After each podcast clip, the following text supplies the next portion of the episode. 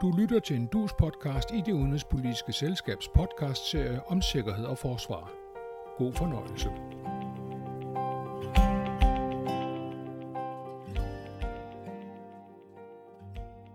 Mens verden forbereder sig på at møde en fjerde covid-19-bølge, bliver det stadig mere klart, at vi ikke alene står midt i en sundhedskrise, men at den slags epidemier og pandemier er en slags sikkerhedspolitisk risiko, der skal tænkes igennem og tages højde for. Pandemi og sikkerhed, det skal de næste 30 minutter handle om.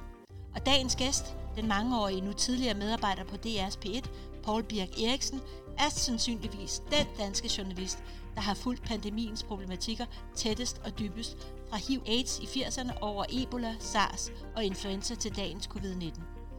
Med er også vores faste podcaster, sikkerhedspolitisk journalist Tage Bagmand. Velkommen til jer begge, og velkommen til alle jer, der lytter med. Jeg er Charlotte Flint Petersen, og jeg er direktør i det udenrigspolitiske selskab. Paul Birk Eriksen, fortæl os her allerførst med din rigtig lange erfaring med pandemi, pandemiforløb. Var der så noget i myndighedernes håndtering af covid-19-udbrud, der kom bag på dig? Det, der har forbløffet mig mest, er nok, at man tog det greb i anvendelse, der hed nedlukning, og så på grund af en smitsom sygdom. Selvfølgelig har det altid været en mulighed ifølge gældende epidemilov, at man kunne gøre sådan noget, men at se det i anvendelse. Altså min infektionsmedicinske mentor, øh, professor Viggo Faber, øh, fortalt om, at selvfølgelig kunne man tage den slags i anvendelse. Og i 1970, der fik man indlagt en medicinstuderende, der var kommet hjem fra en ferie i Afghanistan og var blevet smittet med kopper. Og det førte til, at man på Blejdomshospitalet, altså der, hvor Panum Instituttet nu ligger, der etablerede man simpelthen en teltlejr og internerede op mod 600 mennesker, som han havde været i kontakt med, efter han var kommet hjem, og holdt dem der i adskillige uger. Og undervejs der, øh, fik Faber så besøg, et kontrolbesøg fra øh, WHO i Genève af James Bond, og det hed han.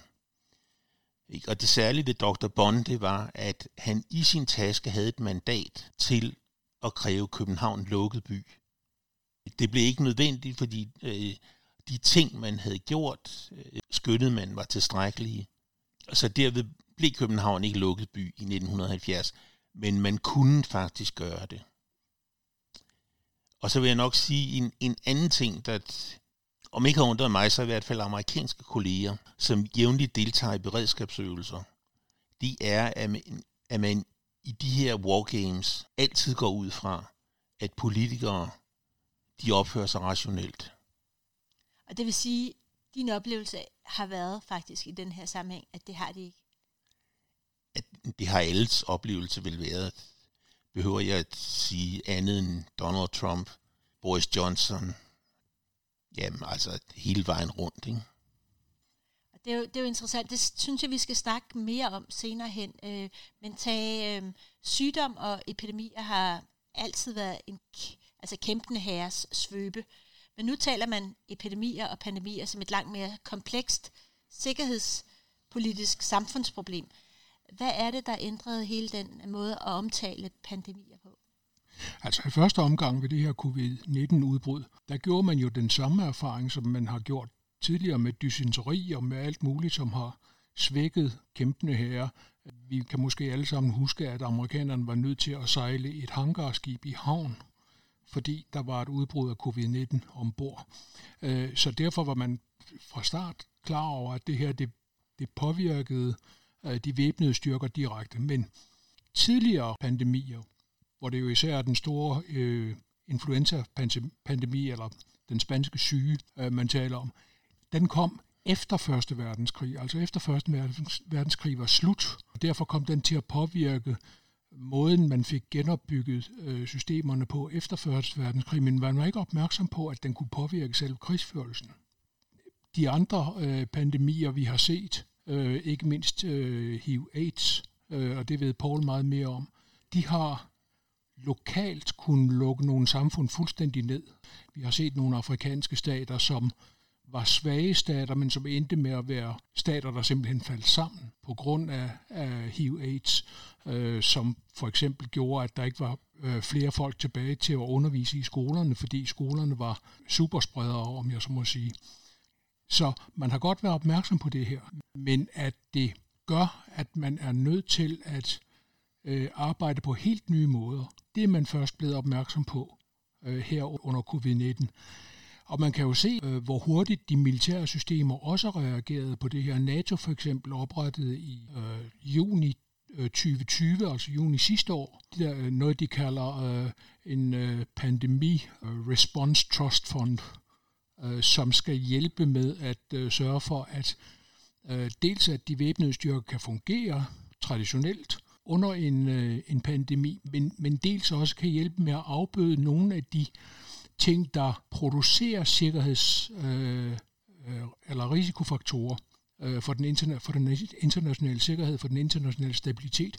For eksempel, at øh, pandemier er med til, som vi har set, at skærpe øh, modsætningerne mellem rig og fattig, mellem dem, der kan og dem, der ikke kan. Og vi har set, hvordan pandemierne gør, at befolkningerne, også i de veludviklede stater, forlanger, at de kommer først i køen, og at de måske så redder sig i hus, mens de, de lande, der ikke har noget at gøre godt med, øh, ikke redder sig i huset. Og, og, og dermed øger man simpelthen spændingerne. Flygtningestrømme, terroranslag måske i, i producerer man terrorister i frustration over det her. Øh, hele det, det internationale system bliver ustabilt, øh, og det er det, man er blevet opmærksom på, og det er det, man skal til at tænke igennem. Og der er man nødt til at tænke på tværs, ikke bare af øh, lande og af systemer, øh, men også af kriser, fordi øh, det er den anden ting, man er blevet opmærksom på her under covid-19, det er, at øh, klimakrisen, covid-19, cyberkriminalitet og hybridkrig, at de fire til sammen, de kan pludselig optræde på samme tid. Og hvad gør man så? Og det skal man have tænkt igennem. Så man kan sige, at der er et helt kompleks af skal man sige, ikke-militære trusler, som er, indgår i en sikkerhedsdimension, øh, som vi skal tænke ind i forhold til covid-19. Men Paul Birk øh, Eriksen, før vi går videre, så synes jeg lige, vi skal afklare, hvornår kan man egentlig tale om en epidemi, og hvornår skælder man mellem epidemiudbrud og pandemier. Sådan helt fundamentalt. Alle pandemier, de begynder i det små, i et udbrud. Og det vil sige, at det kan enten være en ny sygdom, eller det kan være en kendt sygdom, som dukker op igen. Når de begynder at give flere tilfælde end forventet inden for et afgrænset område, så taler man om et udbrud. Det kan man så være heldig at holde nede, eller at det kan gå over af sig selv. Hvis det ikke gør, men fortsætter med at vokse, ja, så bliver næste trin en epidemi. Altså et voksende antal sygdomstilfælde i en bestemt befolkningsgruppe inden for et bestemt tidsrum. Det kan variere lidt. Altså, man kan ikke sætte det fuldstændig på formel. En pandemi, det bliver så, når vi har epidemier på flere kontinenter samtidig. Og så er der kommet den krølle på halen, at i 2003 havde vi en SARS-pandemi, som faktisk var den første pandemi i en globaliseret verden. Og den gjorde, at WHO fandt det påkrævet at lige give øh, topologien en ny gradbøjning. Øh, så da man vedtog det internationale sundhedsregulativ i 2005, så opererer man med en trussel mod folkesundheden af international betydning, en såkaldt fake, og den ligger under en pandemi. Og den har man brugt ved adskillige lejligheder. Altså for eksempel med øh, Ebola i øh, Vestafrika i, i 2014. En fake minder på mange måder om, om det, man i international politik kalder en sikkerhedsliggørelse. Altså fordi begge de legitimerer anvendelsen af ekstraordinære midler til at løse et oplevet problem. Men ligesom med en sikkerhedsliggørelse, så kræver en fake, at den skal tages alvorligt for overhovedet at give mening. Og selvom WHO den 30. januar 2020 erklærede covid-19 for en fake, jamen så skete der ikke noget. Og det førte til, at WHO's generaldirektør og EU's Ursula von Leyen, de pludselig begyndte at, at tale om en global pandemi. Altså for at tale det op, altså i virkeligheden en, en, en dobbelt pleonasme, fordi altså en pandemi er global. Så hvordan kan man have en global global? Men det er sådan de begreber, man, man opererer med. Vi skal, vi skal måske lige sige, når, når, når Paul taler om sikkerhedsliggørelse, så er det i den betydning, som, som øh, er udviklet af det, der hedder Københavnerskolen for, for international politik, altså Ole Weber og hans folk. Altså den idé, at hvis man kan få et problem sat på den sikkerhedspolitiske dagsorden, så får den pludselig opmærksomhed, og så sker der pludselig noget. Det var meget tydeligt med Ebola i Vestafrika. Især da amerikanerne kom på banen, blev det en blanding af folkesundhed og sikkerhedspolitik øh, i måden, man agerede på. Jeg tror, det, der har gjort, at man denne her gang meget hurtigt fik sikkerhedsliggjort covid-19, det var simpelthen, at udbruddet kom fra Kina.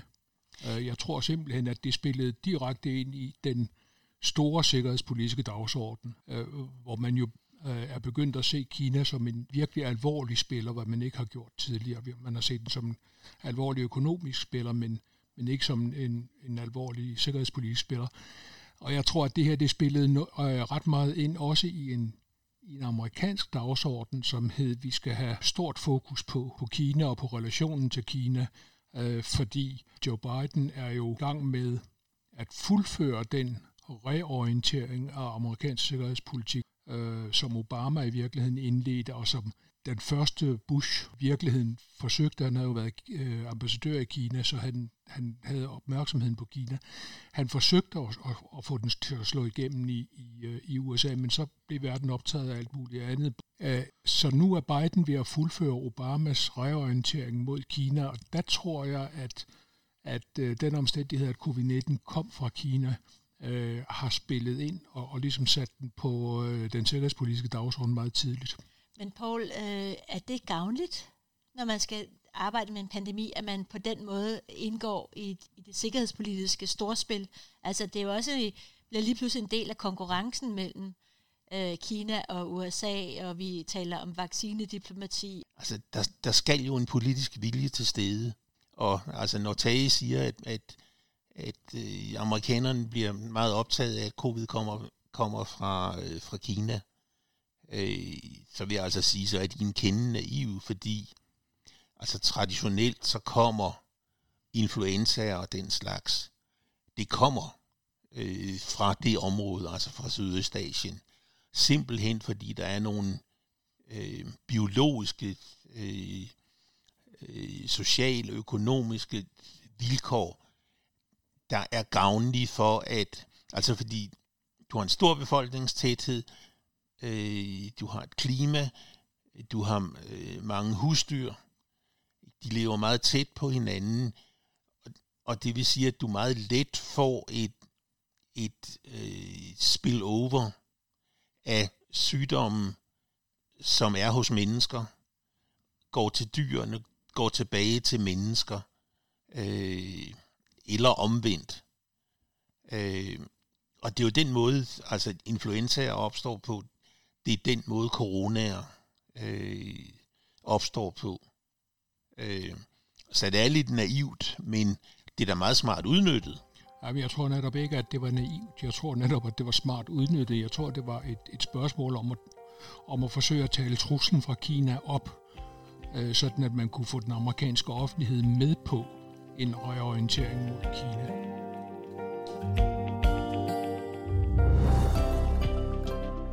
Vi er i gang med en podcast i det udenrigspolitiske selskab, Sikkerhedspolitiske serie, denne gang om pandemi og sikkerhed. Gæst er den mangeårige journalist på DR's P1, Paul Birk Eriksen, og DUS podcaster, Sikkerhedspolitiske journalist, Tage Bagman. Og jeg er Charlotte Flint Petersen, selskabets direktør.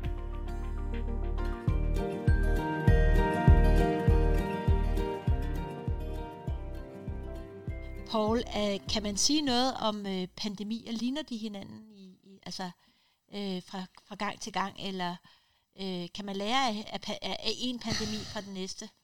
Ja nej.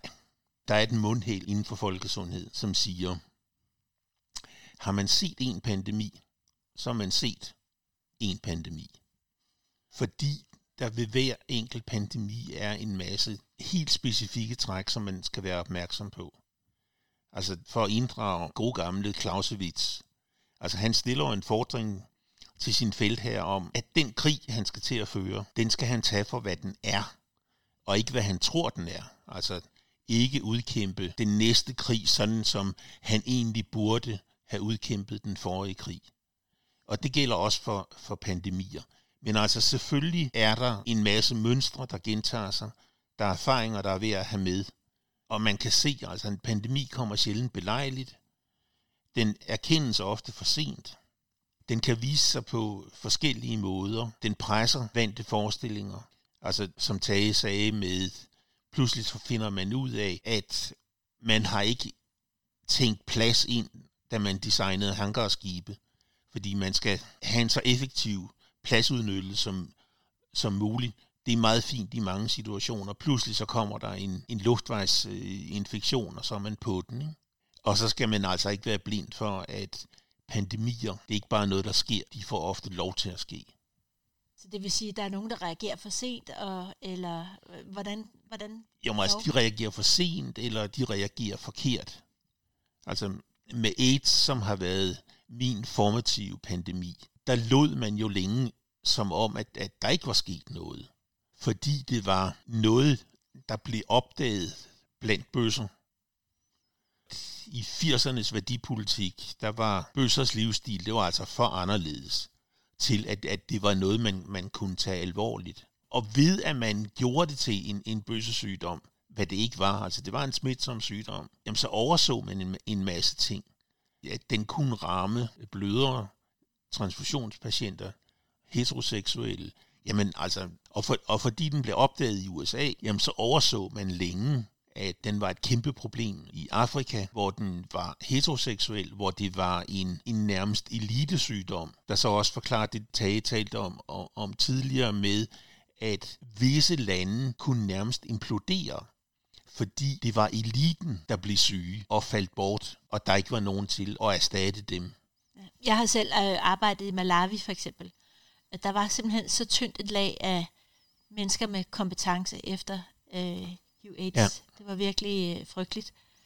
Og de gik til begravelser hele tiden og adopterede hinandens børn. Det interessante ved noget af det, øh, Paul siger her, er, at der er nogle paralleller til væbnede konflikter og konfliktudbrud. Øh, nemlig, at man meget længe overser de tegn, der er. Enten fordi man ikke vil se dem, fordi det er politisk ubekvemt, eller fordi man simpelthen ikke ser dem. Og når man så ser dem, så står man allerede med problemet, og så har udviklingen sin egen dynamik, som kommer til at bestemme ens handlinger. Jo, og hvor, og, og hvor man også må sige, at altså som vi jo har set den ene gang efter den anden med, med covid, at hvis man tøver for længe, jamen så bliver man nødt til at tage nogle endnu mere drakoniske virkemidler i brug for at få det til at virke. Ja, og det har åbenbart nogle samfundsmæssige konsekvenser, hver gang man tager de drakoniske virkemidler ja. i brug. Altså så opstår der nye sikkerhedsproblemer. Paul talte i begyndelsen af udsendelsen om, at politikere øh, ikke reagerer rationelt, eller man antager, at de reagerer rationelt, og det gør de så ikke. Jeg vil godt tage politikerne en lille bit smule i forsvar, fordi politikerne reagerer først og fremmest på den måde, som de tror, at befolkningerne vil acceptere, og befolkningerne reagerer måske ikke rationelt. Hvis man skal stille et krav til politikerne, så er det altså, at de har lidt ryggrad i de her situationer og siger, at det kan godt være, at det her, der er et risiko for, at vi får et vi får hyl og skrig i befolkningerne, men vi gør det alligevel. Og på den baggrund forstår jeg godt, at, at Paul siger, at det var overraskende, at de dengang tog den hårde lockdown i brug, øh, fordi de måske vidste, at det var upopulært. Men de er drevet, i hvert fald i demokratierne, er de jo drevet, er politikerne drevet af, af folkeviljen, og, og, og den skal jo øh, imellem valgene skal den fortolkes, og det er det, politikerne gør. Og derfor træffer de samtidig nogle valg, som vi synes er irrationelle, og som sandsynligvis også er irrationelle i forhold til det, man bør gøre, men som måske ikke er irrationelle i forhold til det, man kan gøre. Øh, fordi der skal en accept til, det ved vi alle sammen. Det ved ikke mindst amerikanerne, der i øjeblikket ser, hvordan nogle delstater simpelthen siger, vaccine, ikke tale om, aldrig i livet. Og der kører epidemien, hvis vi nu taler lokalt, for fuld hammer, fordi man ikke kan få en folkelig accept af maskepåbud og øh, distancepåbud og vaccine. Men Paul, noget af det, som man har set i alt det her, det er jo, at du har set en, både øh, ekstremistiske, ekstremistiske grupper i, inden for ISIS og andre benytte sig af covid-19-krisen til at sprede deres budskaber og rekruttere deres medlemmer, eller højere nationale grupper, som for eksempel i USA, øh, der ligesom også har rekrutteret. Altså hele den der konspirations, alt det der opstår on the sides, kan du sige, af en pandemi, øh, hvor, hvor den samfundsmæssige krise bliver udnyttet til, til, til, til skal man sige, de her ekstremistiske gruppers former. Er det noget, som også er typisk for, for pandemier? Jamen, altså, sådan har det vel egentlig været alle dage. Altså, vi skal jo huske på, at øh, hvis vi går 100 år tilbage til den, til den spanske syge, ikke, så har den jo intet, eller meget, meget, meget, meget lidt med Spanien at gøre. Øh, fordi den efter alt at dømme opstod øh, i USA på en, en gård i nærheden af en militærbase, altså hvor der sker den her zoonotiske overførsel imellem, imellem dyr og mennesker. Men den kommer til at hedde den spanske syge, fordi der er censur under, under 1. verdenskrig, så man kan ikke skrive om influenza, fordi det, det, øh, det er et sikkerhedsmæssigt problem. Øh, Spanien er ikke med i krigen, der er pressefrihed, så man skriver om den. På den måde bliver det den spanske syge. Men altså, man, man har jo alle dage brugt det. Altså, øh, altså syfilis har jo været øh, kaldt stort set alle lande i Europa. Altså, det har været den engelske syge, det har været den franske syge, det har været den italienske syge. Øh, afhængig af, hvem man kunne dunke øh, hinanden i hovedet med. Altså, altså situationen bliver udnyttet til alle tider til at fremme egne interesser tage noget af det, som man har diskuteret, det er, hvorvidt Sikkerhedsrådet, FN's Sikkerhedsråd, i virkeligheden også skal have en rolle i forhold til pandemier. Kan du se det for dig? Altså, det jeg kan se for mig, det er, at, at man tager sig sammen, hvis man gør det i det internationale samfund, og styrker FN-systemet på sundhedsområdet. Øh, altså, øh, om det skal være Sikkerhedsrådet, eller om det skal være noget andet. Øh, det har jeg lidt svært ved at, øh, det har jeg lidt svært ved at se. Men det vil være en, det vil være en god idé at få ført folkesygdomme, globale folkesygdomme, om man vil, over et forum, hvor man vægter det lige så højt som almindelig traditionel sikkerhedspolitik. Øh, det tror jeg nok vil være en, en god idé. Jeg tror, man skal, man skal kigge øh, måske et andet sted hen. Der øh, har været nogle, nogle forslag om permanente øh, ekspertråd og krisestabe, øh, som udvides fra at være koncentreret om et enkelt område, altså for eksempel sundhedsområdet, eller terrorområdet, eller klimaområdet, eller øh, traditionelle sikkerhedspolitiske trusler, militære trusler, til at omfatte det hele, øh, sådan at man kan reagere hurtigt fordi en, en covid-19-pandemi øh, berører jo ikke bare, vi ved det fra Danmark, det berører ikke bare et ministerium. Vi har jo set de her pressemøder, hvor de møder fire-fem ministre op for at fortælle hver om sit område. Og, og der er der nok brug for, at man øh, samtænker øh, truslerne meget mere, end man har gjort hidtil. Det du talte om før, om at der er nogen, der, der forsøger at udnytte en situation som pandemien, det er åbenlyst, at der er nogen, der forsøger at svække øh, samfundenes øh, svar på på covid-19 øh, ved at blive ved med at hælde øh, mærkelige øh, informationer, øh, fake news, ud. Der er andre, der forstærker det. Vi har set det, jeg nævnte cyberkriminalitet, vi har set, hvordan øh, nogle af de almindelige kriminelle, der er ude på at afpresse penge af folk ved at at låse deres IT-systemer. De kommer til at låse nogle IT-systemer, som er livsvigtige for sundhedsområdet. Det kan være hospitalernes, men det kan også være testcentres, og øh, et, øh, et sted har vi set øh, Indrigsministeriets hjemmesider blive lagt ned, så man ikke kunne komme ind og bestille sine vacciner osv. Øh, det skal tænkes med ind. Øh, Øh, og, og dertil kommer så også øh, hele klimatruslen, som også skal tænkes med ind. Spørgsmålet er jo nemlig, hvordan får man opbygget samfundets modstandskraft over for de her udfordringer. Man arbejder med at opbygge modstandskraft på hver område for sig, men øh, lige pludselig skal man altså til at se på en modstandskraft, der kan modstå to, tre eller fire af de her udfordringer på en og samme gang. Øh, og det skal gennemtænkes.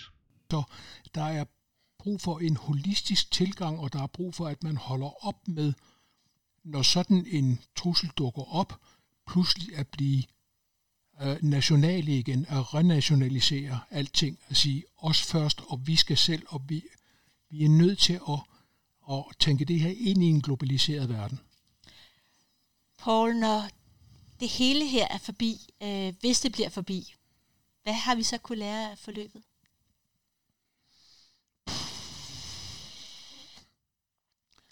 Jeg ved, altså noget kan man håbe, men i forlængelse af, hvad Tage har sagt, så synes jeg, at, eller jeg vil i hvert fald håbe, at man også får knækket den nød, man kunne kalde forebyggelsens forbandelse. Øh, fordi altså, det er selvfølgelig et problem, hvis forebyggelsen ikke virker, men det er altså også et problem, når forebyggelsen virker, fordi så gik det jo ikke så slemt, som I sagde, at det gjorde. Hvad er meningen?